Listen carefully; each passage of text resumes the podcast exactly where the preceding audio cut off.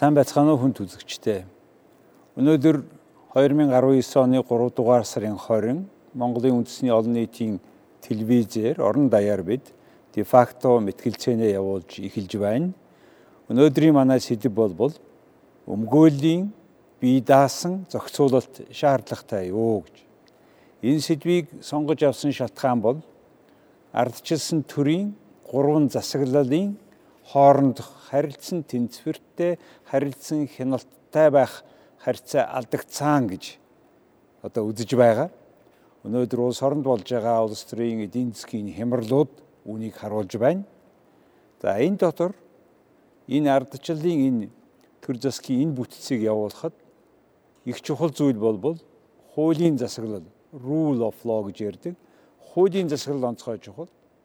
А энийг хэрэгжүүлдэг баталгаажуулдаг, бэхжүүлдэг энэ хүмүүс бол манай хуульчид, эрх зүйчид, өмгөөлөгчид ийм олон хүмүүс байна. Тэгэхээр энэ ээлжит нэвтрүүлгээрээ бид хуульчдын, мэрэгжлийн, зохицуулалтын талаар наривчилж хэлцэх юм аа. 2012 онд хуульчийн эрх зүйн байдлын тухай хууль батлагдсан. Энэ хууль батлагдсанаар тэрнээс 10 жилийн өмнө хэрэгжиж байсан өмгөөлийн тухай хуулийг хүчингү болгосон. Гэтэл 18 оны 12 дугаар сарын 4-нд хууль зүй дотоод хэргийн яамнаас өмгөөлийн тухай хуулийн төсөл өргөн мэдүүлсэн байна. Өмнөх улсын хурлын үед ч гэсэн энэ тухай өмгөөлийн тухай хуулийн төсөл мөн гарч ирсэн боловч хилцээгүй. Ингээд өмгөөлийн бие даасан зохицуулалт шаардлагатай юу, үгүй юу гэдгийг тодруулахаар Монголын хуульчдын болон өмгөөлөгчдийн холбооны ерөнхийлөгч нарыг уриад байна. За миний баруун гар талаас энэ шаардлагатай гэж үзэж байгаа Монголын өмгөөлөгчдийн холбооны ерөнхийлөгч Банзарагчийн Ганбаатар хүрэлцэн ирээд байна. За Ганбаатар 90 онд МУИС-ийн хуулийн ангийг төгссөн. 2001 онд удирдлагын академид удирдлагын ухааны менежерээр тус тус төгссөн.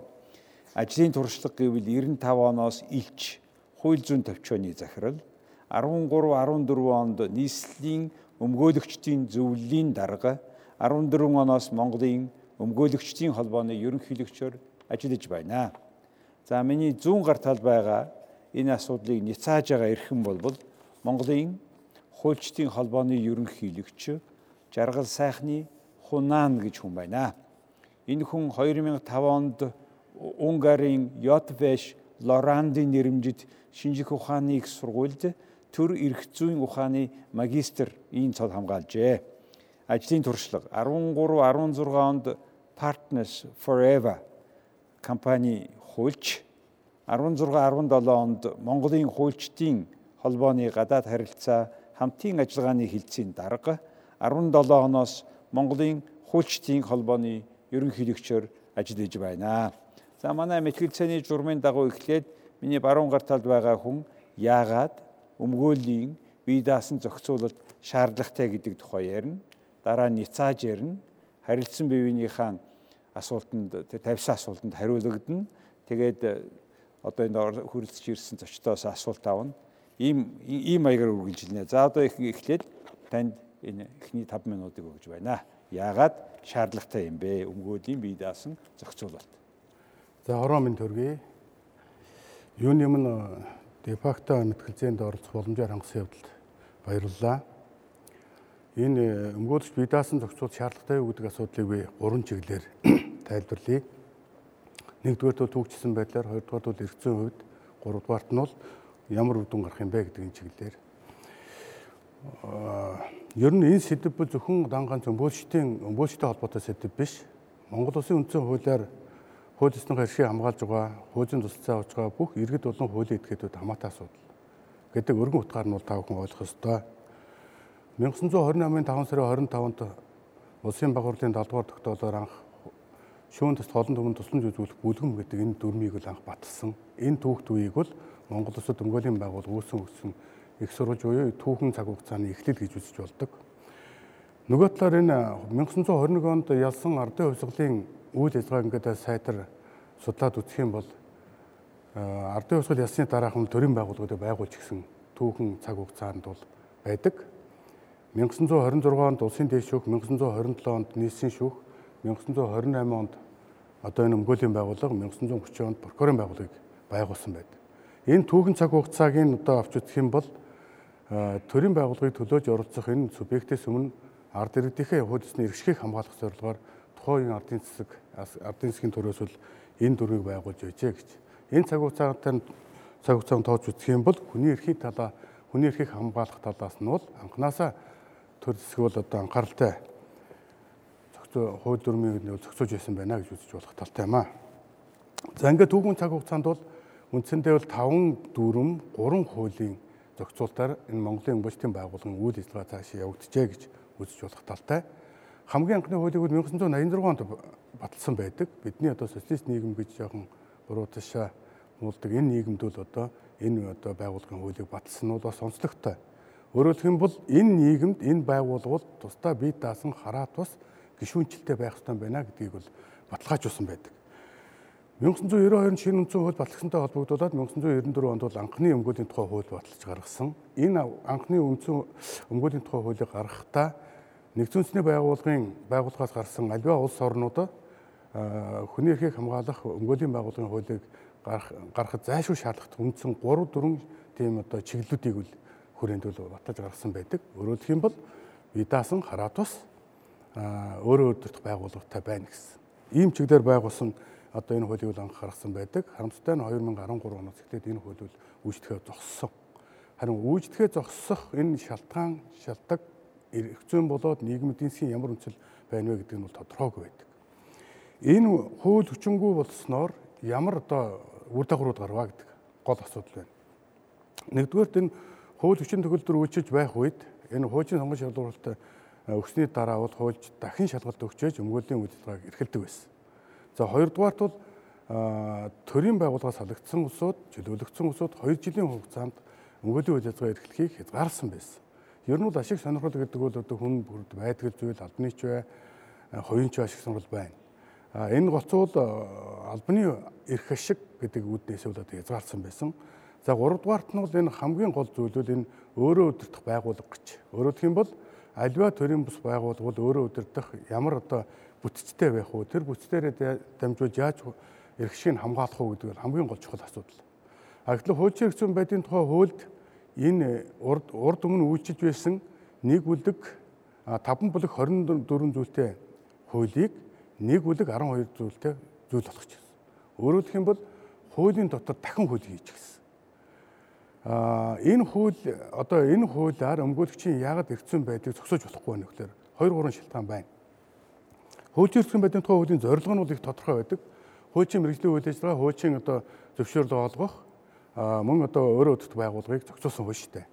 Энэ дотор зарчим ч гэсэн өөр. А гэтэл энэ өмгөөлийн үйл ажиллагаа гэдэг чинь бол өөрөө зорилго нь шал өөр байдаг, зарчим нь шал өөр байдаг байхгүй. Тухайлх юм бол өмгөөлөгчөө өөрөө сонгох, мөн одоо үйлчлүүлэгчээ хараа тус ажиллах, мөн одоо инэрэнгүй байх зарчим гэдэг одоо ийм зарчмуудыг бол ерөөс энэ хуулиар туул ерөөс огт оруулаагүй байдаг. А ер нь хороо гэдэг бүтэц ямар бүтэц вэ гэдгийг одоо та бүхэн ойлгож байгаа. Өөрөөр хэлбэл аль ч одоо төрийн бас байгууллагуудын анхан шатны нэгжийн үйл ажиллагаа явуулдаг тийм л хэлбэр байгаа юм.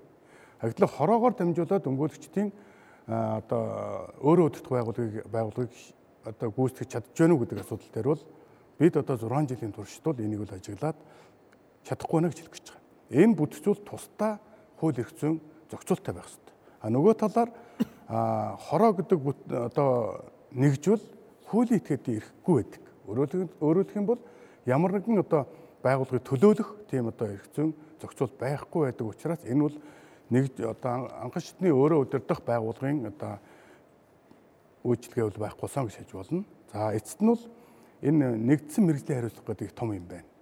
Өөрөөр хэлбэл нэгдсэн мэрэгжлийн хариуцлага шүүх прокурор өмгөөлөгчдөг оруулсаадлаа энэ хуулийн давхцалтайгаар энэ хуулийг хуульчилсан байдаг яг одоо хэрэгжээд 4 10 13 оны 4 сарын 15-наас эхлээд хэрэгжээд нэг мэрэгжлийн нэгдсэн хариуцлагын одоо дөрвөн журмаа боловсруулад яг хэрэгжүүлээд эхэлсэн чинь шүүгч прокурор хоёр өөр өөрийнхөө тусгай хуулиараа зохицуулагдсан.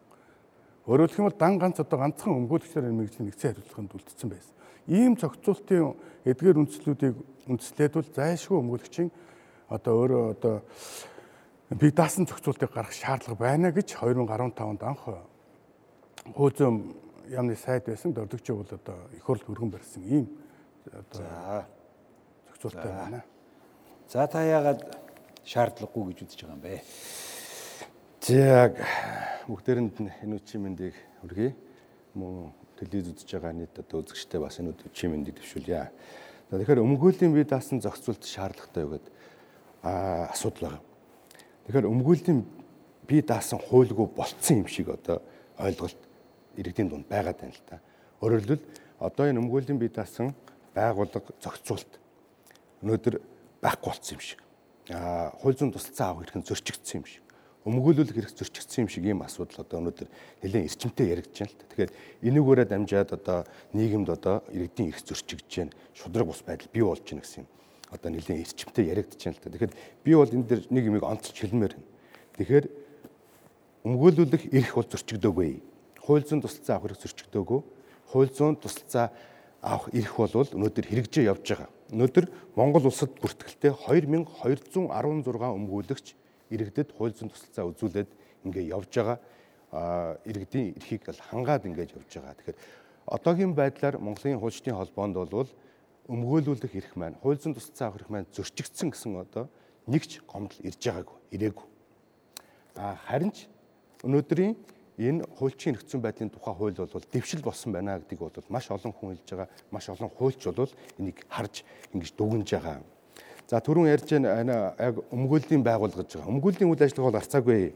Монгол улсад бол 1928 оноос л үүсэж эхэлсэн. За энэ үүслийн явцад энэ хөгжлийн явцад одоо бол нэр нь өөрчлөгдөжсэн. Одоо жишээлбэл өмгөөлөгч бол төлөөнөө заардагч гэж одоо нэрээр бас байсан.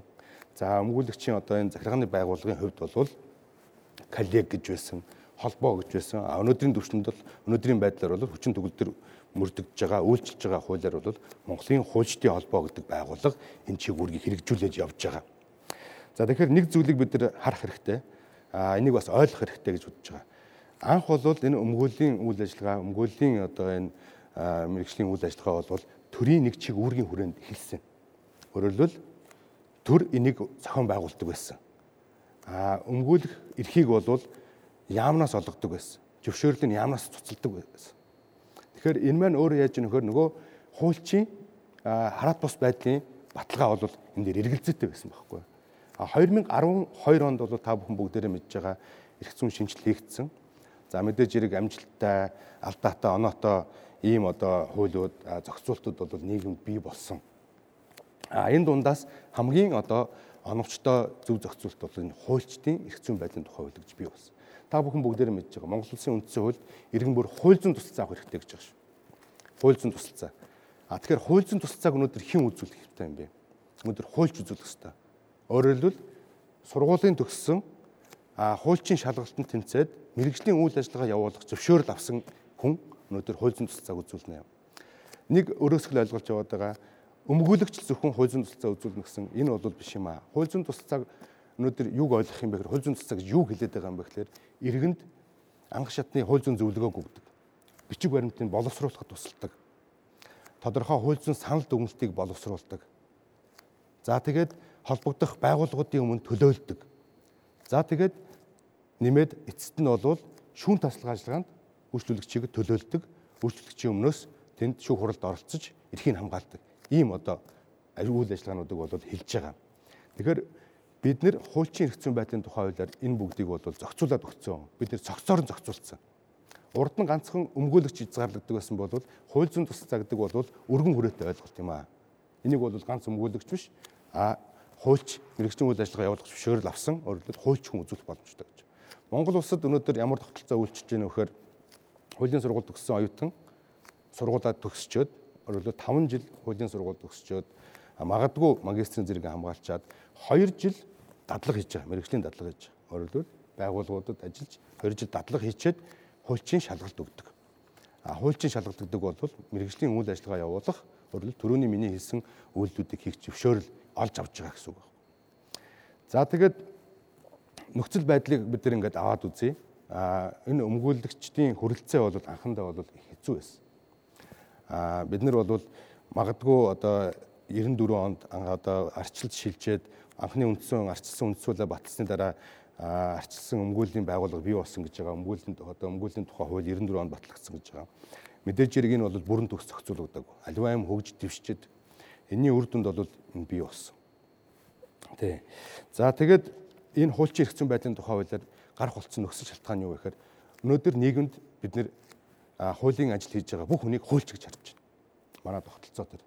Өөрөлдөө шүүгчээр, прокурор, өмгөөлөгч, хуулийн зөвлөх, яам тамгийн газар хуулийн мэрэгжилт хийж байгаа хүмүүс бол хуульч юм байна. Хууль сахиулагчны зарим нь хуульчд байгаа. Тэгэхээр энэ хүмүүсийн нийтлэг эрх ашигыг бид нэр хамгаалах хэрэгтэй юм байна. Энийг зохицуулах хэрэгтэй юм байна. Нийтлэг стандарт бий болгох хэрэгтэй юм байна. Нийтлэг хариуцлагын тогтолцоог бий болгох хэрэгтэй юм байна гэдэг энийг бол олж тогтоосон. Аа тэгээд 2012 онд бол хууль чирэгцэн байдлын тухай хууль гэж үндсэн нийтлэг мэрэгжлийн үйл ажиллагааны стандарт хариуцлага тогтоох зорилгоор энийг бол бий болгосон юм байгууллага. Тэгэхээр бол би юу гэж хэлэх гээд нөхөр өмгөөлийн бие даасан байгуул алга болоогүй. Энэ бол хуульчийн эрх зүйн байдлын тухай хуулийн дагуу үүсгэн байгуулагдсан хуульчны холбоогоор биелээ болоод бийжэд хэрэгжиж явж байгаа. Өөрийнхөө үйл ажиллагааг бол маш өндөр түвшинд хийж байгаа гэж харж байгаа.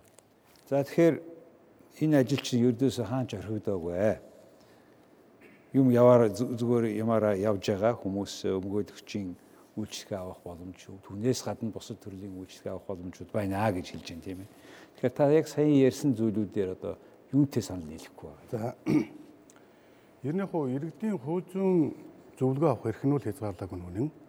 Гэхдээ бидний яриад байгаа зүйл бол энэ мэрэгжлийн үйл ажиллагаа явуулж байгаа субъектийн субъект болох өмгөөлийн эрх зүйн байдлыг яриад байгаа. Энэ бол хоёр ялгаатай асуудал. Хоёрдугаарт бол Монгол Улсын үндсэн хуулиар засаглалыг бол одоо үндсэн хуулиар маш тодорхой болгоцсон. Шүүх засаглал дотор хамгийн одоо том байр суурь эзэж шүүх засаглалыг хэрэгжүүлэх үйл ажиллагаанд одоо оролцож байдаг субъект бол өмгөөлөгч. Хагдлын шүүх засаглалыг хэрэгжүүлж байгаа нэг субъект нь бол прокурор. Гэтэл шүүгч нар прокурор өөртөө бие даасан хуультай байчаад өмгөөлөгч нар яагаад ингэж бие даасан хуульгүй өөр одоо хуучин хэвцэн байдлын дотор ингэж зохицуулж байгаа юм бэ гэдэг асуудал байгаа байхгүй. За хоёрдугаарт нь бол энэ хэрвээ энэ өмгөөлөгчд энэ хууль зүйн эрхцэн байдлын тухай хууль зохицуулагдаад болж байна гэж үзэж байгаа бол энэ ажлыг бие сэтгэлээрээ мэдэрсэн, амссан, үйлчлэгийг үзүүлсэн тэр хүн л ойлгоно. Тэгэхээр одоо хуучин эрхцэн байдлын тухай хууль заасан зааснараа тэгвэл өмгөөлөгчийн хөр хэд байдгийг хоёр хэл байгаа шүү дээ. Тэгвэл өмнө одоо үйлчилжсэн одоогийн хуулийн төслөөр бол өмгөөлөгчийн эрх хөрөг 12 13 байна. Үгээр ялгаатай байна. За нөгөө талаараа Ер нь хуучин холбооны талаас бол одоо энэ э, процессын хууль дотор өмгөөлөгчийн эрх үүргийг оруулчихад болоо гэж байгаа байхгүй юу. Монгол улсад чинь 300 630 хууль байна. Үүний үл дөрвөн хууль нь процесс хуультай, бусд нь процесс хуульгүй. Тэгвэл бусад хууль эрх зүйн талаар зөвлөхөд ямар эрх үүрэг эдлэх вэ гэдэг байсан. За 3 дугаарт нь бол энэ эрх зүйн баталгаа. Эрх зүйн баталгааг бол энэ шинэ хуулиар нэлээд өргөн хүрээгээр оруулж ирсэн. Одоо бол яг хуу зүгээр өмгөөллийн үйл ажиллагаа явуулсантай холбогдуулаад одоо гэрчээр одоо байцч болохгүй гэсэн залттай байдаг. Тэгвэл энэ хуулиар бол баталгааг бол нэгдүгээр ажлын байр, тээврийн хэрэгсэл, туслах а мөн одоо мэрэгжлийн үйл ажиллагаа явуулж байгаатай холбогдуулан бичиг, баримт энэ бүгд бол одоо ямар нэгэн байдлаар бол одоо авахыг гэрчээр байцахыг хориглосон. Үүгээрээ бол ялгаатай байна. А нөгөө талаараа энэ энэ хууль хуулинд орсноороо одоо би түрүү дурдсан шүү дээ ямар нэгэн цензургүйгээр бүх хуульчид бол өмгөөлж хийдэг болгосон шүү. Тэгэхээр бүх хүчилд энэ мэрэгжлийн ажлыг хийж чаддаг байна гэсэн тийм баталгаа байхгүй. Харин өндөр шалгууртай байх хэрэгтэй. А өндөр мэдрэмжтэй, соёл боловсралтай өөрийгөө одоо би дааж одоо хөгжүүлсэн байх юм олон шалгуурууд байж энэ өмгөөлж болдог болохоос одоо хуучин сонгон шалгуурт орсны дараа бол бүгдээр өмгөөлж болоо гэсэн. Энэ бол хавтгайруулсан одоо хамгийн одоо шалгуурыг дордуулсан зүйл. А нөгөө талаараа энэ мэрэгжлийн хариуцлага яагаад бид нар одоо ингэ шүүн таслах ажиллагаанд ордог хоёр шүүх, гурван шүүгч, нэг прокурор шийдэж байгаа үлээ. Хэрвээ тийм эргэтгч байгаа бол бид шүүхийн тухай хуульд болоод прокурорын одоо мэрэгжлийн хариуцлагад орох ёстой шүү дээ. А гэтэл тэр нар бол оруулдаггүй. Яг тэгэхээр бидний хараа тус байдалд хөндөгдөнө гэж. Энэ нь үл дэлхийн нийтээрээ зөвшөөрөгдсөн зүйл дээ. А тэгвэл өмгөөлөгч яагаад ингэж мэрэгжлийн хариуцлага дотор ингэж бусад субъектууд орж ирээд а өөрөө бол ганцхан субъектор ингэж орж байгаа үлээ гэдэг асуудал байна. А би даасан удирдлага бол одоо тийм ээ би түрүү хэллээ хорооны нэгжээр явахгүй. Энэ бол одоо дэлхийн нийтийн жишг хандлагаар бол би даасан хуулийн этгээд байх хэрэгтэй. Хуулийн этгээд байж байж бид нар одоо өөр өөр төрт байгууллагыг одоо үйл ажиллагаа явуулж болцоод өгч. Тэхийн тулд заавал яамны дэргэд хучин шиг. Тэхийн тулд яамны дэргэд биш. Энэ өмнө нь одоо үйлчижсэн хууль бол өмгөөлчдийн холбоо өөрийнх нь анхш одоо удирдах бол одоо нийт гишүүдийн хурал түүнээс одоо сонгогдсон удирдах зүйлийн гишүүд байж ич үйл ажиллагаа явуулдаг. Их хурлын эрх хэмжээнд хилцдэг асуудлууд байдаг. Ингэж байж бие даасан байдлаар явна. А мөн их хурлаар бол одоо өөрийнхөө мэрэгжлийн хариуцлагын дүрмийг баталдаг. Энэ шинэ хуулиар ч гэсэн ямар нэгэн тийм хууль зүй яамны одоо хараа хяналтанд байна гэсэн зохицол байхгүй шүү дээ. Өөрөөр хэлбэл хууль зүйн амбал дотоод хэрэгт нь оролцохыг хуулиар хоригдсон. Тэгэхээр энэ бол ямар нэгэн байдлаар дотоод хэрэгт бол оролцох боломжгүй гэж ойлгож байна. Яагаад энэ хууль зүй дотоод хэргийн яамнаас энэ хуулийн төсвийг өргөн мэдүүлээд байгаа юм? Ер нь бол хууль ер нь хууль өргөн барих хууль байна. Өөрөөр хэлбэл их хурлын гишүүд байна, мэрэгжлийн хууль зүйн яам байна. Манайх бол хууль зүйн яам биш, засгийн газар чиглэлээс засгийн газараас бол өргөн барьсан шүү дээ. Өөрөөр хэлбэл хууль өргөн барих хууль эрх хэмжээнийхээ хүрээнд өргөн барьж чадсан. За за яг энэ хэмжээнд та ярьдаа. За тэгэхээр түрүүн ярьсан бид нэр өнөөдөр арчилсан иргэний нийгмийг зогслоож байгаа. Өөрөөр хэлбэл бид rule of law өнөөдөр хэн нэгэн алдан тушаалтан хэн нэгэн эрх мэдэл биш өнөөдөр зөвхөн хууль захирдаг хүн болгон хуулийн өмнө тэгш байх энэ зарчмыг бид нар ярьж байгаа. Энийг зэгцлүүлэхээ явж байгаа. За тэгэхээр энэ хуульчийн өөрөө төртгсөн байгууллага бол хуульчтай холбоор хэрэгжиж байгааг түрүү хэлсэн дээ. Тэгэхээр энэ бол яаж нөхөр өмнө зөвшөөрлөө яамнаас авдаг байсан бол хуульчийн зөвшөөрлөө яамнаас авдаг байсан. Өмгөөлөх эрхийн зөвшөөрлөө яамнаас авдаг байсан бол өнөөдөр бид нар өөрсдөө шийддэг болсон. Өөрөө өдөр төгсний байгууллага болсон. Аа зарим төрийн чиг үүргийг нийтэд тусдаа хуулийн этгээд дээр дамжуулж хэрэгжүүлдэг болсон. Энэ бол өөр өдөр тасны цэвэр одоо бид нар байгууллага байгуулсан байхгүй. Нийт хуульчид хуульчдын асуудлыг шийддэг болсон. А хуульч хэрэгцсэн байдлын тухай хуулийг бол одоо зөвхөн хуульчдын нийтлэг гэж хараад байгаа. Хуульч хэрэгцсэн байдлын тухай бол хуульч өмгөөлөгчийн хууль. Энэ бол нөгөө бие даасан хууль нөхгүй.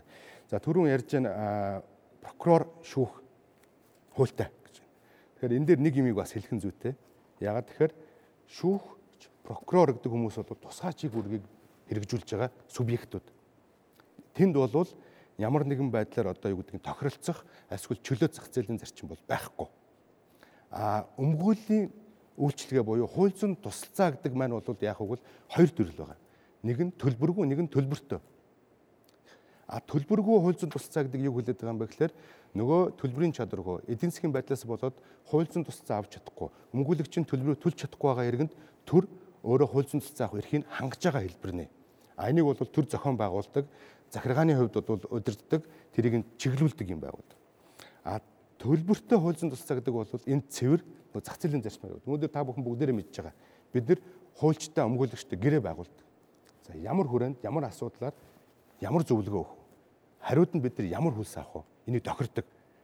А тэгээд өнөөдөр хин тааламжтай хин одоо хамгийн боломжийн зөвлөгөө чанартай зөвлөгөөг санал болгож байна, үйлчлэгийг санал болгож байна. Тэр нь өөрөө ингээд хэрэгжиж явдаг. Тэр та үн ярьж штэ. Зах зээлийн хэлбэрээр байна гэж. Тэгэхээр тэр аль зэрэг үнэтэй өмгөөлөгч үү? Тэр хүний ханшин ямар юм гэдгийг ямар нэг тогтоодог тийм механизм байна уу? Эсвэл ангилдаг юм байна уу? Одоо жишээ тэргүүний мэрэгжлийн гэдэг юм уу? Хамгийн дээд одоо чадварын ч уу? Тэрэн дээр яаж энэ үн тогтдог. Тэр үнийг бол бид нар тогтоох боломжгүй. Хэлбэл тухайн хүний асуудал тэгээд тэгвэл өмгөөлөгчөөр би танаас 100 саяыг авна гэвэл тэгэл өгвөл орохгүй гэдэг авах нь. А тэгэхээр нөгөө иргэнд бол өөр өмгөөлөг сонгох эрх нь нээлттэй байхгүй. Гэхдээ олон хэргийг ялсан өмгөөлөгч хийж чадах юм биш. Тийм. Тэгэхээр бол хэрвээ одоо надаар өмгөөлүүлээ гэх юм бол та ийм хүсэг төлнө гэж байгаа. А энэ бол цэвэр нөгөө нэг харилцан тохиролцох асуудал хоорондоо хилцээр тохирно. За би танд энэ асуудал дээр бол ийм ийм ажиллагаа хийж өгье. Ийм ийм бичиг цаас боловсруулж өгье. Ийм байгуулгын таны асуудлыг одоо өнгөж хамгаалж чадахгүй бол нөгөө мөнгө төгрөгөө буцааж авах юм байна уу хагасын ч гэсэн. За энэ бол мэдээж хэрэг эцсийн шийдвэрийг бол түрүүн хэлсэн тийм үү шүүх эрх мэдлийг хэрэгжүүлэгч бол шүүгч гэж байгаа. А өмгөөлөгч бол зүгээр нэг оролцогч нь баггүй. А яг энэ хараа яг энэгээр би танд асуу тавьмаар байна л да. Яг саяын ханшаар. За одоо сайн өнгөөлөгч олё. Энэ олон хүний сайн өнгөөлж чадсан юм гинлээ гэсэн нэг хүн баял да. Тэгээ энэ ер нь энэ ангиллыг яаж хүмүүст хүргэх юм? Хэн хүргэх юм? Та тэгээ тусдаа өнгөөлийн холбоо болчих юм бол одоо энэ бол тэдэн төгрөгийн үнэтэй өнгөөлөгч, тэдэн төгрөгийн үнэтэй өнгөөлөгч гарах боломж байх уу? А тэгээд өнгөөж чадаагүй нөгөө том мөнгнөөсөө буцааж явах боломж байх уу байхгүй юу? Энэ талаар та яаж харж байна? За. Ер нь энэ өмнө хүчингү болсон хуулинд ч байсан одоогийн хуулийн төсөлд ч байгаа өмгөөлийн хөлс гэж зохицуулт байгаа юм. Өөрөөр хэлэх юм бол тухайн өмгөөлөгч тухайн үйлчлүүлэгчтэй харилцан тохирцож гэрээ хэлцэл хийгээд үнэ тогтооно гэсэн үг. За үнэ тогтоох тул тодорхой тийм шалгуурууд бий л дээ. Ямар цаг хугацаанд ажиллах ёстой, ямар хэмжээний одоо бас одоо мэрэгжил шаардж байгаа юм, ямар хэмжээний эрх ашиг зөрчиж байгаа юм гэдгээс олон шалтгаан байгаа. А нөгөө талаараа энэ хууль дотор нэг шинэ зүйл орсон зүйл бол өмгөөлийн одоо гэрээнд зайлшгүй тусах ёстой зүйлүүдийг заач өгсөн. Жишээлбэл 90-р хэн шатгаа хууль бол шүүхийн шийдвэр өчгөд заав тусах зүйлүүдийн заадагтай адилхан. Энэ хуулийг заавал гаргах хэрэгтэй байгаа юм байна тий. А ер нь бид нар нэг зүйлээс бодолцох хэрэгтэй. Бид одоо дэлхийн нийтэд байхгүй тийм жишг тогтоохгүй. Харин дэлхийн нийтийн жишг тогтцсон тэр боломжил болсон тэм хуулийг л бид нар боловсруулад байгаа. Харин энэ чинь тэгэхээр одоо бар association гэдэг га чинь тэр биш юм уу? Тий. Тэгэхээр одоо эн чинь нөгөө ер нь бол баарын холбоонд ямар улсууд байдаг юм бэ гэдэг асуудлыг бид нар судалчихсан. 178 орны өмгөөлийн тухай хуулийг судалсан. Ернөөсөө л өмгөөлөгчдөр байдаг байхгүй. Хизээч тэр баарын холбоонд одоо шүүгчдэр прокурорд орчихсон нэгдмэл одоо ингээд бүгдээрээ цугларчихсан тийм улсууд байхгүй. Өөрөөр хэлэх юм бол тус тустай үйл ажиллагаа болдог. Бид нэр энэ баарын холбооны бүтэд шүүгч прокурорууд багтдаг жишээ байна. Өөрөөр хэлбэл тэр мэрэгжлийн одоо үнэлгээ их хороонд нь жишээлбэл шүүгч байх жишээтэй. Прокурор байх жишээтэй. Мэрэгжлийн хариуцлага одоо тооцдог механизмд нь бол шүүгчийн төлөөл, өмгөөлөгчийн төлөөл байх жишээтэй. Энэ ямар учиртай гэхээр бид нэр хуульчдын нэгдсэн стандарт бий болгож байгаа. Өөрөөр хэлбэл ямар ч ажил алба эрхэлсэн өнөөдөр шүүгч, прокурорч байдаг, өмгөөлөгч бай, яам тамгийн газар хуулийн мэрэгчлэлтэн ч цаана хуульч байгаа учраас бид энэ хуульчийн асуудлыг, хуульчийн нэр хүндийг бид нэр бид бүгдээрээ анхаарах ёстой. Бид бүгдээрээ анхаарал тавьж энэ дээр хяналт тавьж явах ёстой. Тэр стандартыг өндөр байлгахыг бид зорих ёстой. Тэгэхээр бол хаанч байхгүй гэдэг юм бол биш. Энэ бол байдаг жишг. За. За тэгээд сая үнийг яаж тогтоох юм тэгээд? Бидний баримталж байгаа чиглэл бол а 1990 онд нэгдсэн үндэсний байгууллагаас өмгөөдийн үйл ажиллагаа явуулж байгаа бүх улс орнуудад нэг жишг чиглэл гаргацсан. Өргөн тунхаг. Өргөн тэрийг заавал биелэгдэх шин чанартай. А тэр дотор үндсэндээ дөрвөн зүйлийг хэлсэн байна. Нэгдүгээр нь өмгөөч бол хараа тус байх ёстой шүү. Өөрөө удирдах байгууллагууд байх ёстой шүү. Гуравдугаарт нь тухайн байгууллагын гишүүн байх ёстой шүү. Өөр өөргөө санхүүжилнэ гэсэн. Тэгэхээр энэ жишгийн дагуу дэлхийн бүх улсууд өмгөөлийн тухай хийсэн. А харин хуучин эрх зүйн байдлын тухай хууль бол эсрэг тесрэг ашиг сонирхолтой улсуудын нэгдэл бас. Өөрөөр хэлбэл прокурор бол төрөг төлөөлөх. Шүүхэл шүүн таслах үйл ажиллагаа явуулдаг. А өмгөөлөгч бол ард иргэдийн хууль нэршийг хамгаалдаг. Ийм эсрэг тесрэг ашиг сонирхолтой хүмүүсийг нэг дор ингээд одоо болгочихлоор бидний үйл ажиллагаанд их хүндрэл гарч ирж байна. Сая хоны ерөнхийлөгч хэлж. Хуучин эрх зүйн байдлын тухай хууль хуульч болоод өмгөөчтийн хууль гэж. Хоёр эрх зүйн харилцааг нэг хуулинд авч хизээч хийдэг байхгүй. Тэр тусмаа мэрэгжлийн үйл ажиллагаа явуулж байгаа өмгөөлчдийн хуулийг эрх зүйн байдлын тухай хуульд нэг зүйлд оруулж өгчөөд одоо ингээд болж ийн гэдэг асуудал бол одоо ардчлаас болоод ард түмний эрх шигийг одоо хамгаалах эрх зүйн таатай нөхцөл болох өмгөөлийн үйл ажиллагаа явуулахдаа бол нэг алхам ухарсан байхгүй. Одоо ийм хууль хаа байна гэдгийг бид нэр яриад болохгүй байна. А харин бие даасан хуультай газрууд бол олон байгааг бид рүү хэлчихлээ. За. За ингээд одоо би асуултыг манай оролцож байгаа залуучуудад өгөх боломж, асуух тавих боломж өгье. Бид нэр сонслоо. Хоёр тал хоёулаа өөрсдийн яагаад юм байх ёстой вэ гэдгийг ярьж байна. Тэгэхээр яг хинт тавьж байгаа асуултаа хэлээд тавина уу? За та бүхэнд өрөө мэд. А би өмгөөлөгчийн холбооны хэрэгч асуумаар байна. А өмгөөлөгчийн холбооны хэрэгч асуумаар байна. А юу вэ гэхээр хэрвээ одоо өмгөөлсөн тухай хууль ингээд албан ёсоор батлагдаад та бүхэн албан ёсны томоохон байгууллага болчихоор бас нэг тийм татвар авдаг байгууллага болж үүсэх үү юу? Жирийн хувь өмгөөлөгч нар ер нь татварын асуудал нь яаж зохицож байгаа. Одоо бол хувьч талбанд 20 мянгаыг төлж байгаа. Тэгээ танаа байгууллага бас 20 мянгаыг төлдөг болох юм уу? Эсвэл дундуура 5 япон 2 байгууллага хуваах юм уу? Энэ татварын асуудал нэрхэн зохицуулагдаж байгаа гэдэг тайлбар өгөхөг хүсэж байна. За ер нь өмгөөдийн тухай хууль батлагдаад энэ э, дан мэрэгжлийн өмгөөлөгчдөд энэ холбоонд нэгдсэн тохиолдолд бол угаасаа татвартай байна. А татвар их үү багуу гэдэг асуудал бол харьцангуй болбол татвар төлж чадахгүй байна гэдэг асуудал бол тухайн одоо хууч өмгөөлөгчийн өөрийнх нь одоо эрх үүрэг Харин царьцангуй ер нь манайх зүгээр сард 20 мянган төгрөг байдаг. Бусад одоо олон улсын баарын холбоотын дэргэдүүл юу ч өөрөө зүгээр л нэг одоо юу гэдэг нэг одоо жилдээ 240 мянган төгрөг төлж байгаа шүү дээ. Тэгэхээр энэ татвар төлж чадахгүй давхацж гэнэ гэдэг асуудал нь бол хууль гаргахгүй байх тийм үү. Тэгэхээр залуугийнхаас өмнө хуулийн өнөөдөр одоо ингээд манай одоо танай хуульч эргэцүү байдгийн тухай хуулиар одоо ийм одоо манай энэ хуульчдын холбоо гэж байна шүү тийм ээ. Энд нийт гişүүдийнх нь бараг тал нь өмгөөлөгч тийм ээ гэж ойлголоо зөв үү? Тийм тийм тийм. Өнөөдөр тэгэхээр өмгөөлөгчд өөрсдийн холбоотой болчихвол тэгээ яах тусдаа болоод мөнгө төгрөг нь хэд байх нь хамаагүй тусдаа нэг сангаргаа явах юм эсвэл өмгөөлөгчд хоёулангийнх нь гишүүн байх юм уу эсвэл байх шаардлагагүй юм уу энэ талаас нь хараад. Ер нь хуульч гэдэг утгаараа бол хуульчтай холбооны гишүүн байна. За. Өмгөөлөгч мэрэгжлийн өмгөөлийн үйл ажиллагаа явуулж байна гэдгээр бол хэрвээ энэ хууль батгтсан бол өмгөөлөгчтэй холбооны гишүүн байна. За энэ хоёулаа ингэж байх боломжтой юу? Би бол шаардлагагүй харж байгаа. Илүү зардлын төрөн хэллээ те нөгөө нэг захиргааны байгууллага бий болгож штэ. Өөрөөр хэлбэл тэр нөө зохицуултыг хийдэг. Өнөөдөр Зүгээр нэг л жишээ хэлье би. Өнөөдөр Оросын холбооны улсад яг манай нөгөө өмнө 2002 онд батлагдсан хуулийн дагуу үйл ажиллагаа явуулж байгаа өмгөөлөгчдийн холбоо гэж байгаа, коллег гэж байгаа. Энэ коллег ямар асуудалтай өнөөдөр тулгарсан бэ гэхлээр энэ захиргааны байгууллага монопол эрхэлж байна. Яг энэ хуулийн фирм шиг үйл ажиллагаа явуулж байна. Тэгэхээр бид нар энэ өмгөөлийн одоо энэ хууль зүйн тусалцаа үзүүлэх үйлчлэг маань өөрөө төлбөртэй энэ үйлчлэг маань бол зах зээлийн зарчмаар явах хэрэгтэй. Энд бол өмгөөлөгчдийг нээлттэй байх хэрэгтэй. Өнөөдөр биднэрт юу хэрэгтэй нөхөр хуульчдын нэг дугаар баталсан нэг дүрм мэрэгжлийн дүрм. А тэрэнд хариуцлага тооцдог мэрэгжлийн хариуцлагын хороо юм уу эсвэл механизм байх хэрэгтэй гэж байгаа. Хариуцлага тооцдог механизм. Энэ байна. А бусдаар бол хуульч нь өөрөө тэр одоо мэрэгжлийн үйл ажиллагааг өөрөө бие дааж явуулна. Эсвэл товчоо байгуулах юм. Хуучнаар товчоо гэжсэн одоо бол хуулийн фирм байгуулах явж байгаа. Тэгэхээр бие дааж ганцаараа явуулах боломжтой а товчоо байгуулах. А тэнд захиргааны удирдлага шаардлага байхгүй гэж. Тэгээд энэ та захиргааны юм шинэ бүтц бий болгочихж байгаа юм уу? Ер нь яг уу захиргааны шинэ бүтц гарч одоо илүү их хэмжээний зардал гарах гэдэг байна гэж байна. Энийг шийдэж болно. Болох хуулбар нь бид бол ажлын хэсгээр ярьчихсан. Өөрөөр хэлбэл хуучин хэвцэн байдлын тухай бол нэмэлт өөрчлөлт ороод тодорхой хэмжээгээр бүр татваргүй ч хийж болно. Өөрөөр хэлбэл бүтцийг багасгах гэсэн үг. А өмгөөлчдийн холбооны дэргэд одоо байлаа гэд энэ татвар бол одоо юу гэдэг нь даад авчшгүй тийм одоо хүнд захирааны зардал гараад тэрийн одоо тэр нь одоо гişүүн өмгөөлөгчдөр хүндрэл учруулж байна гэсэн тийм ямар тохиолдолд 21 жилийн дотор гараагүй юм. Харин ч одоо энэ татвараар татвараас гадна мэрэгжлийн одоо сургалтын үйл ажиллагаанаас олсон орлогоосоо бас өөрийн гэсэн байртай болчихсон байгаа бол шүү дээ. Тэгэхээр бол татвар буюу эсвэл одоо захиргааны байгууллагын бүтцэл хүндрэл учруулахгүй. Өөрөөр хэлбэл Одоо бол 1200 гишүүнтэй хэд бид нар 11 хүлээл хэлж шүү дээ. 11 хүн тэр 1200 гишүүнд үүсдэх үзүүлж байна. Өмгөөлөгч өмгөөлөх боо юу? Тэ. Тэгэхээр жилийн одоо орлого бол манайх 100 сая байгаа.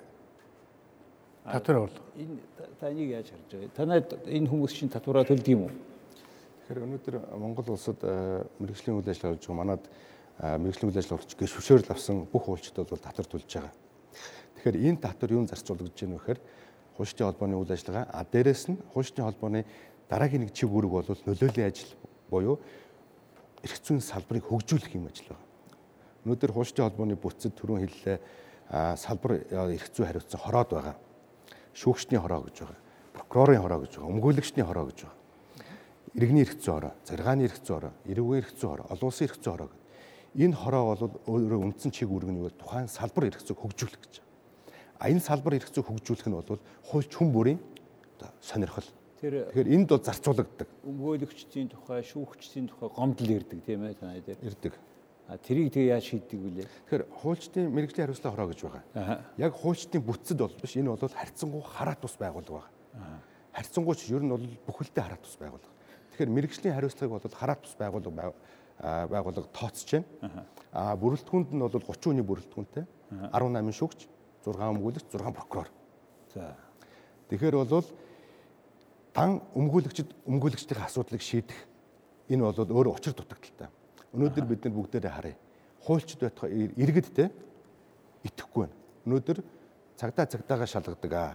Өмгөөлөгч өмгөөлөгчөөгөө шалгана гэдэг бол бүтэхгүй асуудал. Өнөөдөр ямар асуудал үүсэж ийн нөхөр шүүгч шүүгчтэйгээ шалгаад шүүхийн ёс зүйн хороонд өгөөд шалгаж байна. А тэнд олигтой хариуцлага тооцож чадахгүй. Прокурор дөр бас тийм. Тэгэхээр нэгдсэн хариуцсан тогтолцоо байх нь зөв юм байна гэдгийг яриад. Өөрөөр хөндлөнгийн байгууллага. Яг энэ чинь дутаад байгаа шүү. Тэгэхээр та яг саяхыг яаж хариулмаа вэ? Яг хуучин хэвцэн байдлын тухай хууль заасны дагуу мэрэгжлийн нэгдсэн хариуцлагын дүрм гаргасан хууль нь байгаа. А гэтэл энэ мэрэгжлийн нэгдсэн хариуцлага дотор өнөөдөр нэгч шүүгч, нэгч прокурор арга хэмжээ авагдаагүй. Яагаад? Өөрөө өөрийнхөө мэрэгжлийн хариуцлагыг өөрийнхөө хуулиар тусдаа хийсэн байхгүй. Тэгэхээр энэ чинь давхцаад хийсэн гэсэн үг. Тэгэхээр энийг арилгах хоёр дарга зам байна. Эсвэл одоо хуучдын нэгдсэн мэрэгжлийн хариуцлагад оруулах ёстой, эсвэл энэ мэрэгжлийн нэгдсэн хариуцлагыг тарах ёстой. Олон удаа шүүх прокурорын усуудаа уулзч үзсэн. Та нар нэгдсэн мэрэгжлийн хариуцлагад орчооч. Бид нар орцсон байж шүү дээ. Уучлаарай. Энэ чинь дэлхийн нийтийн жишгээр бол шүүхийн одоо мэрэгжлийн хариуцлага тусдаа байдгийн бие даасан байдлаар байдгиймаа гэж. Тэгэхээр энийг одоо хүртэл 6 жил шийдэж чадсангүй шин. Хараа тэгэхээр танай тэр мэрэгжлийн ёс зүйн хороо, мэрэгжлийн хариуцлагын хороо гэж шүү дээ тий. Тэргээр зөвхөн яагаад өмгөөлөгчтэй гэж яриад байдаг. Нөгөө саяын шүүгчд прокурор ярьж болдгоо мүү гэсэн асуулт байна. Тэгэхээр яг хоо энэ дээр бол түрүүн хэлсэнтэй гол концепц бол юм аа. Хуульчид нэгдсэн стандарттай байх хэрэгтэй, нэгдсэн хариуцлагатай байх хэрэгтэй.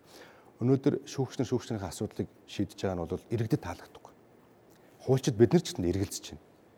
А тийм учраас энийг бол ийшээга нэгдсэн байдлаар хүндлэнгийн байгууллагаар шийдвэрлэх нь зөв юм байна гэдгийг бол хэлж байгаа.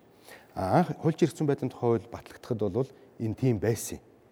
А яасан бэ ямар асуудал үүссэн бэ гэхээр энэ бол ямар нэгэн байдлаар улс төрийн нөлөө юм уу өөр байдлаар бол нөлөө орсон баг гэж харж байгаа. Тэгээд шүүгчийн ёс зүйг бол шүүхийн ёс зүйн ороо, прокурорын ёс зүйг бол прокурорын ёс зүйроор шилжүүлсэн. Тэгвэл бид нэр дахиад нэг юм мартаж болохгүй. Ягаад тэгэхээр шүүгч прокурор гэдэг бол онцгой чиг үүргийг хэрэгжүүлж байгаа субъектүүд байхгүй. А яванда энэ маань яах вэ гэвэл угаасаа нийгмийн хэрэгцээ шаардлага, хуульчдын хэрэгцээ шаардлага бол энэ шүүгчдийн ёс зүйн асуудал, прокурорын ёс зүйн асуудлыг хөндлөнгийн 3 дахь этгээд шийтгэх нь зөв юм байна. Иргэдэд энгийнээр ойлгуулахад тэр хуулийн хуульчд шүү дээ тийм ээ. Шүүгчд байна, прокурор байна, өмгөөлөгч байна. Энэ гурваас шүүгчийг би чад мөнгө өгье гэж худалдаж авч болохгүй тийм ээ. Прокурорыг бас болохгүй тийм ээ. Амгуулагчийг бол болох нь биш. Би чанд мөнгө өгье надад үйлчлэг үзүүлээд өгөөч гэж. Тэгэхээр яг нөгөө төрөний миний хэлдэг нь юу аахгүй нөгөө өмгөөлийн одоо бид одоо өмгөөлөгчдийн те одоо өмгөөлөгч гэж байгаа. Тэгэхээр яг бусад улсуудыг харах юм бол зарим нь өмгөөлөгчийн хэрэгцээ байдлын тухай хууль гэж байгаа. Зарим нь өмгөөлийн тухай хууль гэж байгаа. А зарим нь болохоор хуульчийн хэрэгцээ байдлын тухай хууль, зарим нь хууль зүйн тусалцаа үзүүлэх ажлыг зохицуулах хууль гэж нэрлэж нэрлэж байгаа байхгүй. А тэгэхээр би юу хэлэх гээд байна вэ гэхээр хуульч буюу өмгөөлөгчдийн өөрөө өдөрт төсний байгууллага нь хуульчдын холбоо.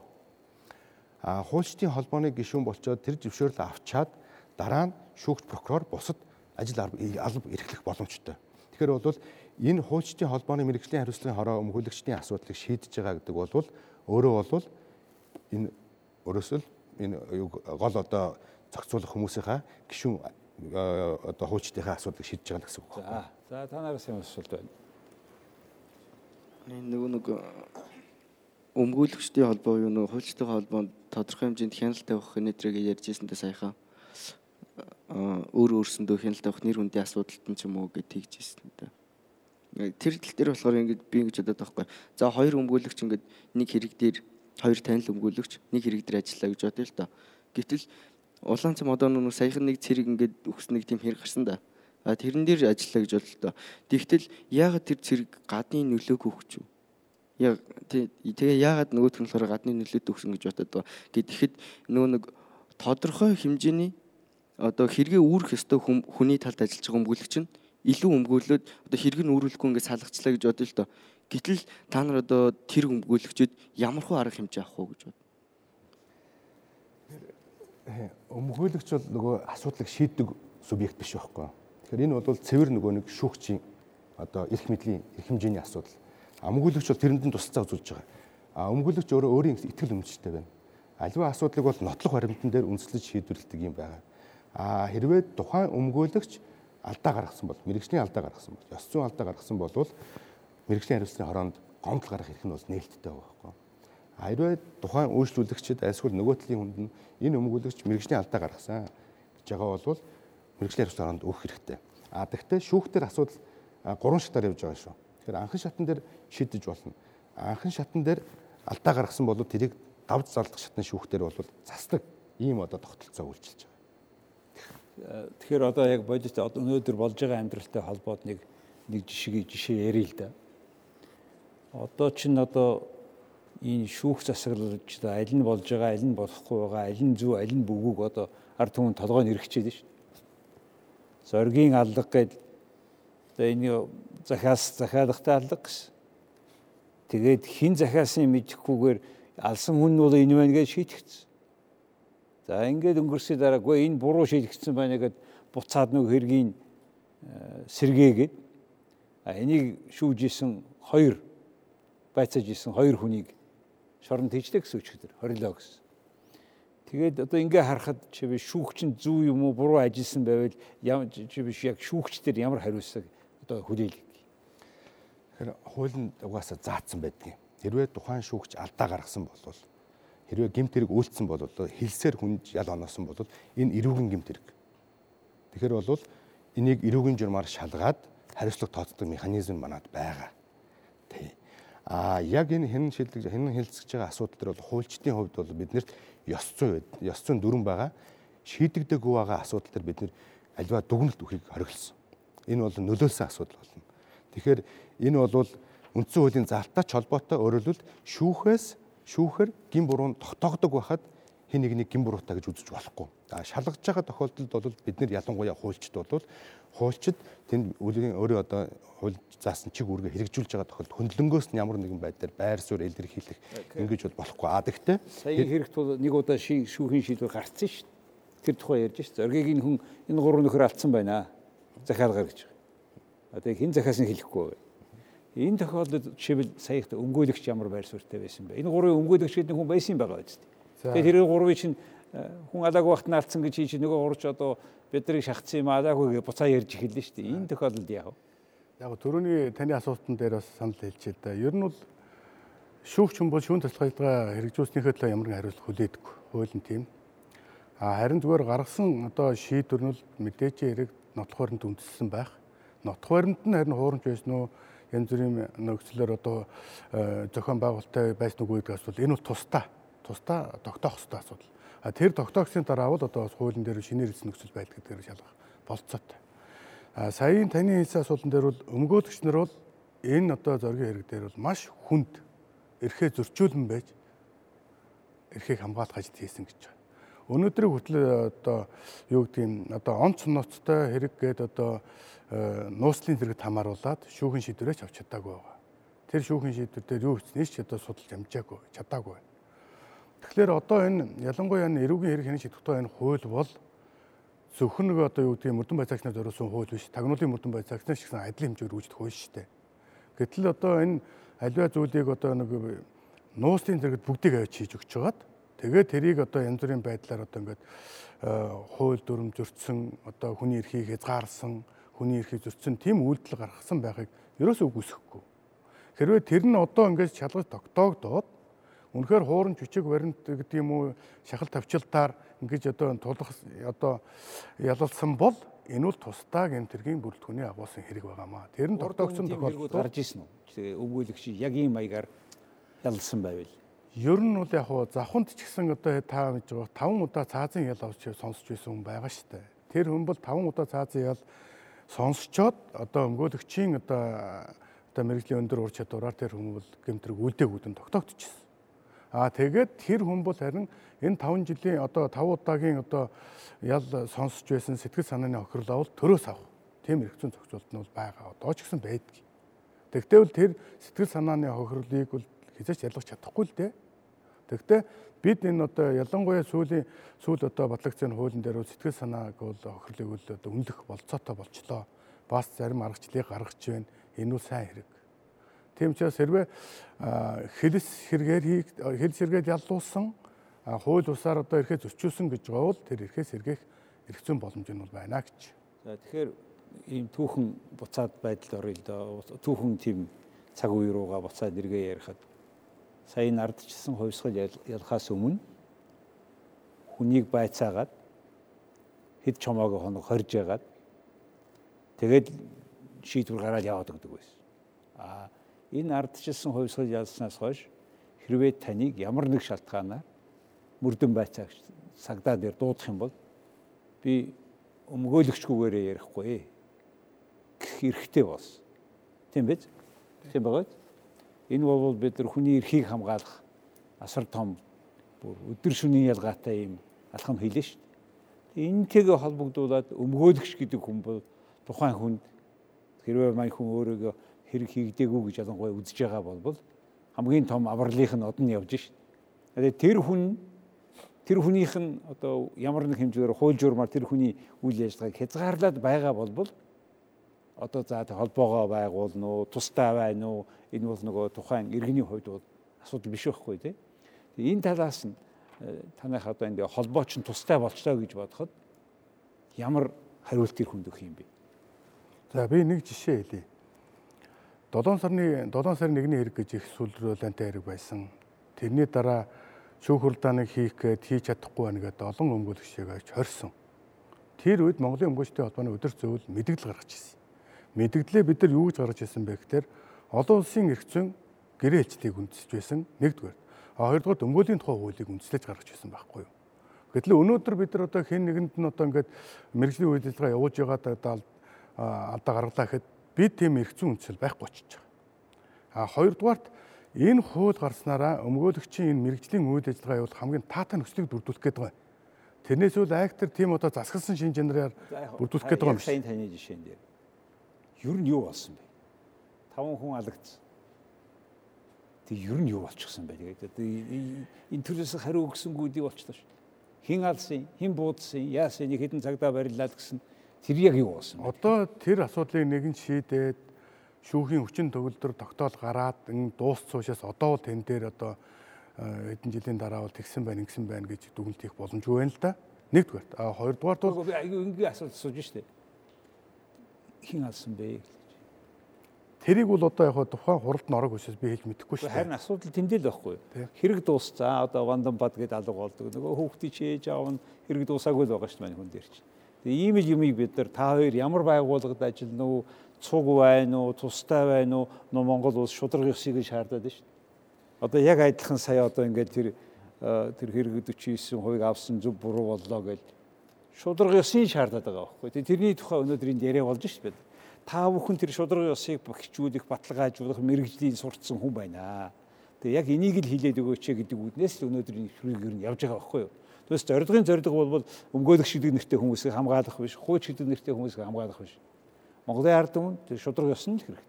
А энэ одоогоор тогтож чадахгүй байна. И та нар ч гэсэн хоорондоо ингээд ийм ийм зөрөөтэй үзэл бодлын зөрөөтэй байдаг. Хууль нь болж ийн болохгүй байна гэд. Тэгэхээр чи ердөөсөө эргэж чинь бүр тавгаа нэрхчээд шин. Энэ талд асуулт байна уу? За. За баярлалаа а хуучин өмгөөлөгчийн тухай хууль байхаж өмгөөлөгчийн тухай хууль байхад нөгөө өмгөөлөгчийн сонгон шалгаруулалт гэдэг зүйл нь маш нарийн тогтолцоотой. Эхлээд хуульчийнхаа шалгалтыг өгдөг. За дараа нь өмгөөлөгчийнхаа шалгалтыг өгдөг.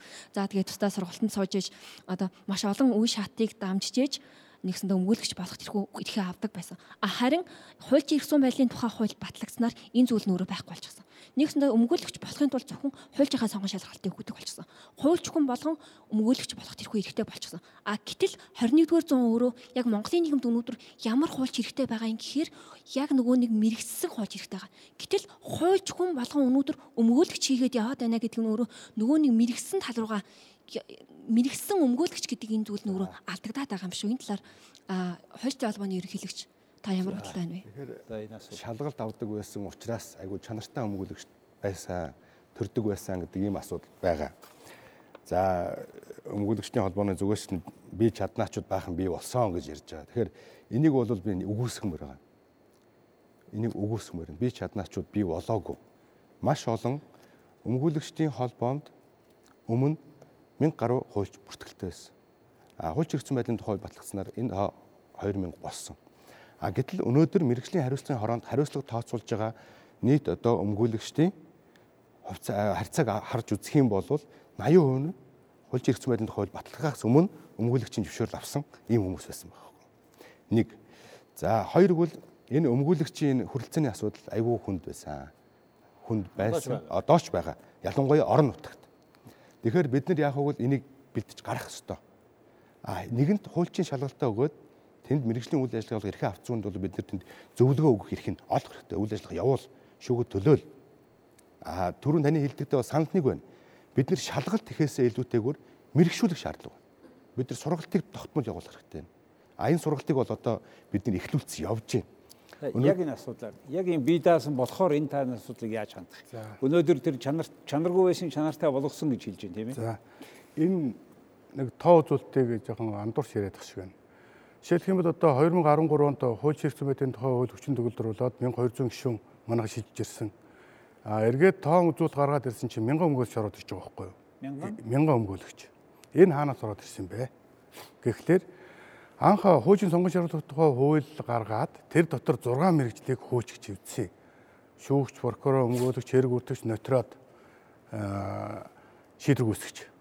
Тэгэхээр энэ 6 мэрэгчлэлтэнд хуучин гэтлэгээ өгсөн үйлдэл нь тэр чигээр хэвээр яваадсан байхгүй. Хаагтал хуучин хэвцэн байдлын тухай хууль гарч ирээд тэр өмнө нь өгч байсан гэрчлэгээнүүдийг шууд эргцүүн байдланд ордно гэд бүгдээрэнд нөхсөн. Бүгдээрэнд нөгөнгүүт мянган өнгөл шууд гараад байгаа байхгүй. Харин энд ямар усуд байсан бэ гэхээр өмнө нь 13 онд манай 13 оноос өмнө бол бид нар бол нийтээ бол 66 удаа шалгалт авсан байдгийг. Тэнд шалгалт нь тэнцэхгүй байсан. Ёс зүгээр халагдсан байсан. Янз бүрийн байдлаар өмгөөлөх хийх боломжгүй байсан. Тэр усуд бүгдээрээ л ороод ирсэн шүү дээ. Тэгээ энийг л бид нар хэлсэн. А тухай дагж өгдөгчөрийн тухай хууль гарч явахад ч ажлын хэсэгтээ ярьсан шүү дээ. Яг өнөөдөр ажиллаа хийж байгаа улсуудад энэ хуучин гисгэ өгчихгүй мүү? Тэгэхгүй бол дахиад мянган хүн орж ирэх нь энэ ямар шалгуур орж ирэх юм гээд. Тэгэхээр мянган хүн ордог чинь бол энэ тоон үзүүлэлтэндээ тоон үзүүлэлтний бол ийм зарчмаар орж ирсэн байхгүй юу? Наад мянган хүний чинь та шалгалтаараа оруулж ирж байгаа биз. Үгүй. Тэгэхээр шууд одоо өмгөөлөгч болоод байгаа юм шиг бас тийм уруу ойлголт төрж байна л да. Тэгэхээр э, улсын дээчүүд бүртгүүлж байгаа. А бүртгүүлж байгаа гэдэг нь мэрэгжлийн даатгалд хамрагдаж байгаа. Өөрийн байртай байх хэвээр, зөвшөөрөлтэй байх хэвээр гэдэг энэ шаардлагууд байгаа. Тэгэхээр одоо шууд одоо юу гэдэг нь те гэрчлэг авангуудаа өмгөөлөгч болж байгаа гэдэг бол биш. А улсын дээгч хүртээр бол энэ бүртгэл хөтлөгдөд явж байгаа гэсэн асуудал байгаа. За дөрөв би нэг юу яасан Азийн сантай хамтраад бид нар судалгаа хийсэн байдаг юм. Өөрөлдвөл хуульчдыг хуульчдаар нь дүгнүүлсэн, үнэлүүлсэн юм судалгаа хийсэн. За энэ судалгааны үр дүнд юу гарсан бэ гэхээр манай харин залуу өмгөөлөгчд одоо шинээр орж ирсэн нийт өмгөөлөгчд аягүй сайн үнэлгээ авсан. Өөрөлдвөл өөрийн байртай болсон. Хуулийн фирм нь өөрийн байртай болсон. Иргэддээ үйлчлэх, зөвлөгөө өгдөг, үйлчлэх нь сайжирсан. Чанар нь сайжирсан, ур чадвар нэмэгдсэн гэсэн юм байна. Ийм одоо үнэлгээ өгсөн байна. 50 60% нь бол тэгж өгсөн байгаа байхгүй.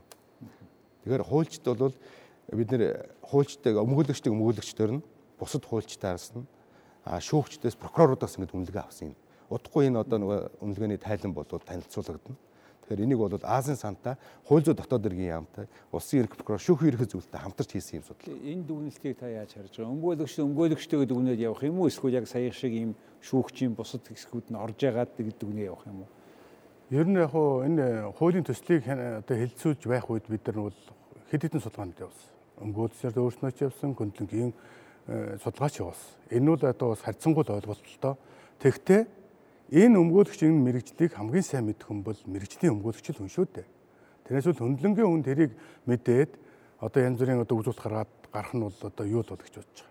Бид 21 аймгаар одоо явж судалгаа хийж зөвхөн өмгөөлөгч биш 21 аймагт ажиллаж байгаа бусад хуульчдаас ч гэсэн судалгаа авч үзэхэд өмгөөлөгчийн эрх зүйн байдлын тухай хуулийг заашгүй гарах шаардлага байна гэж үздсэн байгаа. Тэр нэгдүгээр. Хоёрдугаарт бол хууль зүйн яамн дээр ч гэсэн бас энэ судалгаа хийсэн байдгийг. Хуульчдын холбооч гэсэн хийсэн байдаг.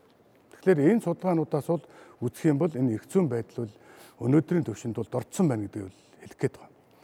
Нэг зүйлийг бас давхар хэлчихье. Ер нь бол өмгөөлчдийн байгууллагч байна хуучтай холбоонд олон гишүүн байх юм сайн л да. А гэхдээ сайнны хажуугараас чанар гэдэг юм байна. А урд өмнө одоо одоогийн зарим өмгөөлч гэсэн ярьдаг юм. Би 5 удаа өмгөөлчийн шалгалтанд ороод чадаагүй штэ гэдэг. А харин одоо сүүлд харин шууд одоо эрхээ авчихсан баяртай боллоо гэж. Тэгэхээр яагаад шалгалтанд тэнцэхгүй байна гэдэг чинь бол энэ мэрэгжлийн эмчнэртэй адилхан байдгийг шүү дээ. Өөрөөр хэлбэл эмч хүн бол 5 жил төгсчөө дараа нь 2 жил мэрэгчин дараа нь өөрийнхөө чиглэлээр одоо дахин шалгалт өгчөөж явна. Үүнтэй агаар нэгэн адил. Хүний эрхийн манаа зогсно гэдэг бол зүгээр хүн дуртай нэгэн хүн төгчөд хийдэг асуудал биш байхгүй. Энэ бол олон жилийн туршинд батлагдсан бидний бидний үйл ажиллагаанд журам болчихсон зүйл. За тэгэхээр хуцаа дуусч байгаа учраас би та хоёрт яг өнөөдрийн цаг үеийн асуудалтай холбоотой нэг асуулт тавья хариулж болно хариулахгүй байж болно өөрийнхөө комментиг өгмөр байна. Саяхан Монгол улсын ерөнхийлөгч асан Инх баяр телевизээр нэвтрүүлэгт ороод ингээд шүүгчдийг дээрээс нь эсвэл мөнгөтэй хүмүүс шахаад барьцаалж ягаад өөрсдөө хэрэгтэй шийдвэр гаргаж яана гэд тодорхой жишээн дээр ярьсан шүү дээ. Идэргээ залуу байсан тийм. Тэгэд энэ дээр та хоёр өөрийнхөө яг та энэ холбооныхон зүгээс энэ та юу гэж үзэж байна? Та өмгөөлөгчийн зүгээс юу гэж үзэж байна? Цаа талд нь бас нэг хүмүүс хохироод байна шүү дээ, тийм ээ. За энийг та эхлэх үү те. За ер нь яг хуу нийгэмд бол янз бүрийн одоо хардл сэрдэлтүүд, таамгууд одоо бичгийн нотгоонтой нотлсон нотгдог юмуд яригддаг. Энэ бүгдийг бол одоо бид нар шууд хүлээж авах боломжгүй. Яг тийм бол альва хүн бол гэм буруутай одоо гэмтрэг үйлдсэн гэдэг нь бол хүчин төгөлдөр болсон шүүхийн шийдвэрээ гарсан гарсны дараа л энэ үнийг одоо зарлахаас өөр арга байхгүй. Энэ бол Монгол улсын үндсэн хуулиар иргэнд олгоцсон эрх. Гэмбуруутай нотлогдоогүй үед бол хэн ч гэмбурууг үжи өөрийгөө тооцох ёстой. Тэгэхээр э, тийм одоо яриа гарсан байхыг үгүйсэхгүй л дээ. Гэхдээ энийг нотолсон, баталсан аль бисны шийдвэр гарч ижил бид ойлгоно. Тэрний наан бол одоо өөр байдлаар ойлгох. Яг л адилхан л та ер нь бол үндсэн хуулийн зарчим байгаа. Гим буруутай шүүхээр тогтоогдоогүй байхад хэнийг ч гим тэрэг үйлцсэн гэж гүтгэж болохгүй. За за тэгвэл хараа Тэгвэл жишээлбэл одоо ганц өх гэдэг хүн шоронд сууж гарч ирчээд би өрдөөсөө хэлмэгцсэн. Энийг санаатаагаар хийсэн. Одоо ийм мэдээлэл гараад байгаа. Одоо энийг бид нийгэм яаж ойлгох вэ? Та нар буруу ажиллаа хүнийг ингэж хэлмэгдүүлээд байгаа юм уу? Яг нийгэмд ийм сенсацуудыг дэгдэж ин л та. Тэгэхээр энэ маань өөрөө эргээд яаж нөхөр айгүй буруугаар одоо хуульчдын хуулийн байгууллагуудад тусч байгаа. Нийгэмд энэ өөрөө ийм замраагүй байдлыг бий болгож байгаа. Ялангуяа одоо улс төрчд бол энэ дээр айгүй анхааралтай байх хэрэгтэй. Тэгэхгүй бол энэ өөрөө айгүй буруу үр дагаврыг бий болгоно. Яг ялгаа байхгүй. Тэр хүн асуудал нь шийдэгдсэн, эцэст нь шийдэгдсэн. Тэр асуудлаар дахиж маргаан байхгүй. А хэрвээ тухайн хүнд гомдол байдаг бол тэрийг шалгуулах хэрэгтэй. А шалгадаг механизм байгаа, эрх нь байгаа. А тэгээд шалгуулад тэрийг тогтоолох хэрэгтэй. А тэгэхгүй ингээд одоо юу гэдгийг зүгээр хий хоосон гэд ярьж ийм замраагүй байдлыг бий болгож болохгүй байхгүй. Тэгээ энэ улс төрч ингээ яриад байна шүү. Хин энэ хоёргаа бол ер нь түүхэнд энэ хоёр яаж хэлмэгцэн гэдгийг л гарандаа та нар харж байгаарэ гэж байгаа. А хин ганс өх э, намайг бол үнэхээр хэлмэгдүүлсэн. Шудраг бусын хонглоор оруулсан юм үг хүртэл гараад ирлээ шүү. Тэгээ эний чинь нийгэм энээс чинь болоод одоо зоргийн хэргийг төрөө бид ярьсан. Энээс чинь болоод энэ та бүхний одоо төлөөлж байгаа шүүгчид өмгөөлөгчд энэ хүмүүст итгэл хүмүүст нийгэм даяараа алдаад байгааг ер нь яамаар юм бэ гэдэгт хариулт тэгээд тэгээд өндөрлөх гээд байна л да. За ер нь яг хөө улс төрчдөл янз бүрийн хэлбрээр янз бүрийн аргаар янз бүрийн одоо үндслүүдийг л гаргаж хэлжил байна. Тэгэхээр бид өхөн бол одоо хууч учраас ялангуяа өмгөөлөгч учраас өсөө бидний барьдаг юм ерөөсөө нотлох баримттай хүчин төгөлдөр болсон шүүхийн шийдвэрээр гараагүй байгаа тохиолдолд бид тэрийг л хүлээж авах боломжгүй байхгүй юу? Харин тухайн хүн хэлмэгдсэн үнэхээр одоо хууль усаар одоо ингээд э, мөрдөн шалах ажиллагаа хийсэн гэж үзэж байгаа бол энийг шалгадаг газар нь байна.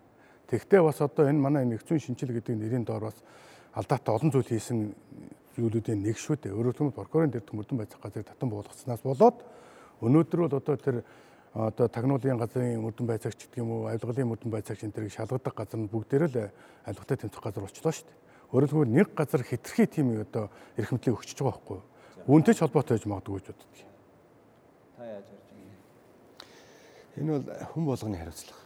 Хүн болгоны нийгмийн гишүүний хувьд бол бид нэр нотлох баримттай юм ярих хэвээр хүн гүтгэж болохгүй. Хүний эрхийг хүндэх хэвээр. А энэ өөрөө илэрхийлж байна вэ? Бидний өнөөдрийн одоо ухамсар боловсрал энэ хүмүүсийн төвшинг харуулж байна. Бид нар өнөөдөр хуулийн байгууллагад итгэх итгэлийг нэмэгдүүлж явах оронд бид нар хуулийн байгууллага хуульчтай ингэж юу яаж байгаа нь бол зохимжгүйгэж харж байгаа. За хүн төзөгчтэй өнөөдөр манай энэ дефакто мэтгэлцээнээр юм чухал асуудал ярьлаа. Монгол улсад ч одоо хамгийн дутагдаад байгаа юм чинь нөө шудраг ёс гэдэг юм биш. Энэ шудраг ёсыг байлгах ёстой шүүх тэр шүүх дотор орж байгаа шүүгч дотор орж байгаа энэ олон хүмүүс шүү дээ шүүгчд байна. Одоо манай энэ прокурор, өмгөөлөгч, нотариат, шүүхийн шийдвэр гүйцэтгэгч эдгээр хүмүүсийн маань үйл ажиллагаанд бас сайжруулах, анхаарах юмнууд маш их байна. Энэ тухай бид өнөөдөр ярьлаа. Энэ Монгол улсын энэ Монголын өмгөөлөгчдийн холбооны ерөнхийлөгч Банзарагчийн Ганбаатар миний баруун гар талд Монголын хуульчдын холбооны ерөнхийлөгч Жаргал сайхны хунаанаар энэ асуудлаар одоо өөрсдийн үзэл бодлоо илэрхийллээ. Мэдээж нэг мэтгэлцээ хийгээд асуудал шийдэхгүй байх. Но ямар ч гэсэн бид энэ Монгол улсын хамгийн том 3 дахь засаглал хамгийн бид нар хамгийн маруухан ажил хийж байгаа гэж үзэж байгаа засаглалын 3 салбарын нэг нь ийм асуудлууд байна гэдгийг ярьлаа. Мэдээ шийдчихгүй. Тэгэхээр та бүхэнд та бүхний сонорт ямар асуудлуудыг тойрч энэ мэрэгжлийн маргаан явагдаж байгаа тухайг ингэж толиулаа. Ингээд манай өнөөдрийн мэтгэлцээнд оролцсон хоёр зочиндоо талархаж байна. Их баярлалаа. Мөн хүрэлцэн ирсэн оролцсон хүмүүс талархаж байна. Хамгийн гол нь та бүхэн зургатаар энэ мэтгэлцээнийг үзсэнд нийт үзэгчдэд талархаж байна. Ингээд өнөөдөр манай дефакто мэтгэлцээ өндөрлөж байна өмгөөллийн бие даасан зохицуулалтад шаардлагатай юу үгүй юу гэсэн мэтгэлцэн боллоо. Их баярлалаа дараа уулзлаа баяртай.